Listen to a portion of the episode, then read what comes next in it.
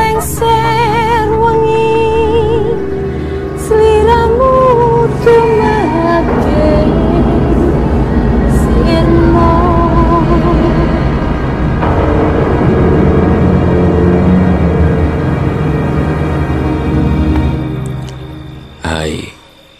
selamat datang di cerita horor ruang imajinasi. Sebuah kisah nyata yang mungkin kita pernah alami. Ya, dengan gua, Renjan. Dan selamat datang di cerita horor malam Jumat.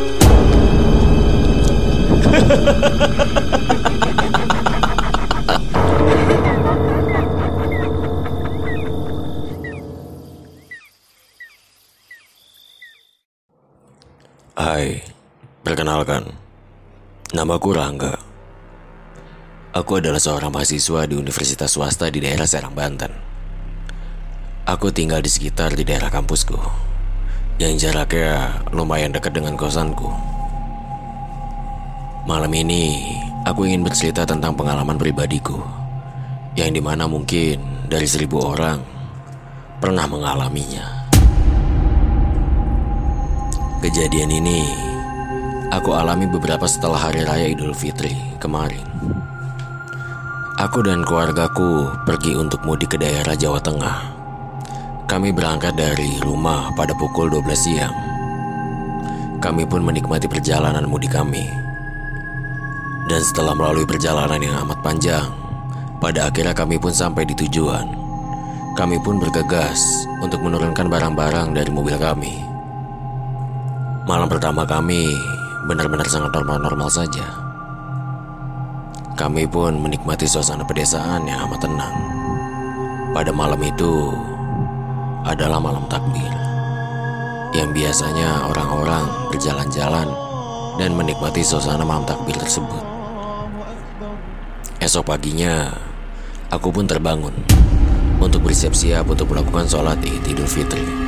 Setelah melakukan sholat id, kami pun melakukan halal bihalal. Singkat ceritanya, aku dan beberapa kakak-kakakku berpamitan untuk pergi ke daerah Magelang, yang di mana untuk menjenguk nenekku, yang rumahnya berada di sana. Sesampainya kami di daerah Magelang, waktu sudah menunjukkan pukul setengah enam sore, yang di mana waktu sudah menunjukkan menjelang maghrib. Kami pun langsung bergegas untuk masuk ke dalam rumah untuk beristirahat sejenak dan salam-salaman. Selepas maghrib, suasana di sana mulai terasa mencekam, yang di mana hanya terdengar suara gesekan dedaunan bambu dan suara lolongan anjing yang membuat mencekam. Waktu sudah menunjukkan pukul 21 malam. Aku pun mulai merasa mengantuk yang amat berat karena kurangnya tidur tadi malam. Aku tidur dulu ya kak. Iya tidurlah. Makanya jangan begadang mulu kamu tuh jadi anak. Tak lama kemudian kakakku yang lainnya pun ikut menyusul tidur pada malam hari. Di saat kami tertidur dengan pulas, aku awalnya tidak merasakan hal yang aneh. Tak lama kemudian, aku pun sedikit merasakan hal yang aneh. Waktu sudah menunjukkan pada pukul 11 malam. Aku merasakan di mana malam itu ada yang mengetuk pintu dan suara orang berjalan. Awalnya aku tidak menghiraukannya. Akan tetapi aku mulai merasa resah. Yang di mana pada malam itu tiba-tiba Astaga Aku mulai merasakan ada seseorang yang mendekatiku Sedangkan yang aku tahu kakakku pada malam itu sudah tertidur dengan pulas dan jarak aku dan kakakku sangat begitu jauh. Dan aku pun mencoba memberanikan diri membuka mataku dan tiba-tiba apa itu? Aku pun langsung menutup mataku dan aku pun mencoba berpikir secara positif. Hmm, hmm, hmm. Kenapa ini? Badanku tiba-tiba tidak bisa bergerak. Dan aku pun mencoba kembali membuka mataku.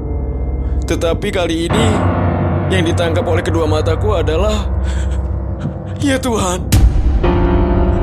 Aku melihat sesosok makhluk yang berbadan tinggi besar dan hitam.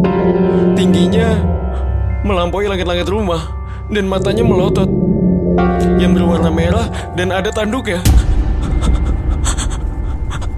Aku pun mulai mendengarkan suara ketawa yang amat kencang dari sebelahku. Dan aku pun mulai merasakan nafasku yang teramat sesak. Dan aku mulai merasakan di mana ada yang menarik-narik kakiku. Aku mencoba melepaskannya dengan mencoba baca doa yang, hafal, yang aku hafal. Akan tetapi, tiba-tiba, ya Tuhan,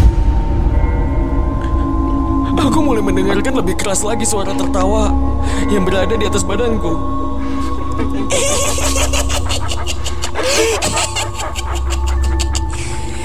Kau tidak bisa ke mana-mana, anak muda.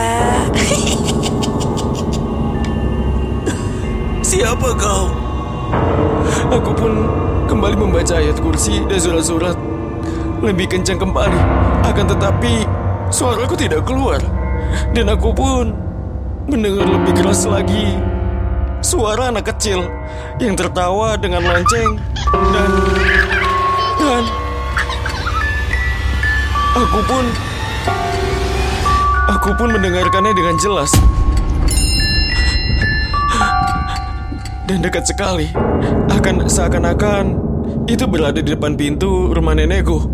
Dan aku pun mulai mendengarkan kembali suara gesekan kaki yang melangkah ke arahku. Semakin dekat dan semakin mendekat.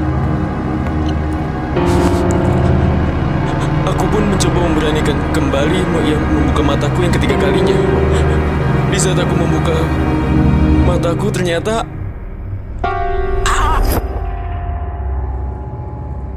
Aku dan tubuhku semakin tidak bisa bergerak. Dan tiba-tiba, aku pun mulai mendengarkan suara kakakku yang berteriak amat kencang. Dan aku pun baru sadar, dia pun ternyata kesurupan. Dan aku pun tak lama kemudian, ada seorang laki-laki tua yang memanggil namaku dengan suara yang sangat lirih. Hikmat. Hikmat. Dan aku pun mulai tersadarkan pada pukul 3 pagi yang di mana waktu sudah menunjukkan waktu menjelang sholat subuh. Azan pertama membangunkannya pun aku pun mulai terdengar. Keesokan harinya pun kami berkumpul. Aku mencoba memberanikan diri untuk menceritakan pengalamanku tadi malam. Hampir semuanya tidak mempercayaiku. Tetapi sebelumnya kakakku perempuan pun bercerita bahwasannya dia pun mulai merasakan aneh di saat kami menginjakan kaki di rumah ini. Aku meminta pada mereka untuk pulang dan menyampari kedua orang tuaku yang berada rumahnya yang berbeda. Kami pun merasa tenang setelah sampainya kami di rumah kedua kami.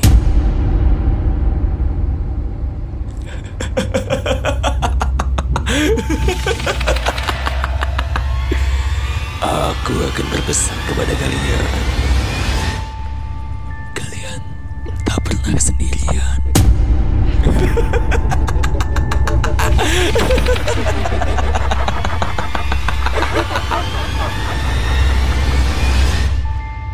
Terima kasih untuk teman-teman yang sudah mau mendengarkan cerita dari cerita horor dari ruang imajinasi. Pesan yang kita ambil yang bisa kita petik dari cerita di atas adalah kalian harus berpermisi dulu sebelum kalian untuk beristirahat.